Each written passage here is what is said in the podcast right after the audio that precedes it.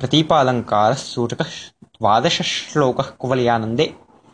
प्रतीपोपमानस्योपमेयत्वप्रकल्पनम् त्वल्लोचनसभं पद्मं त्वद्वक्त्रसदृशो विधुः अत्र विधुर्नाम चन्द्रः तव वक्तसदृशोऽस्ति इक्षतां तव मुखसदृशः चन्द्रः इति वदति न तु तव मुखः तव मुखं चन्द्रसदृशः अथवा विधुवत् इति।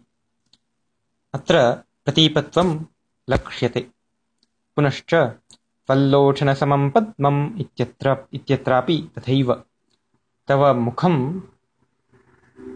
तव लोचनं तव लोचने पद्मे इव इति न वदति अपि तु पद्मं तव लोचने यथा तथा तथास्ति इति वदति।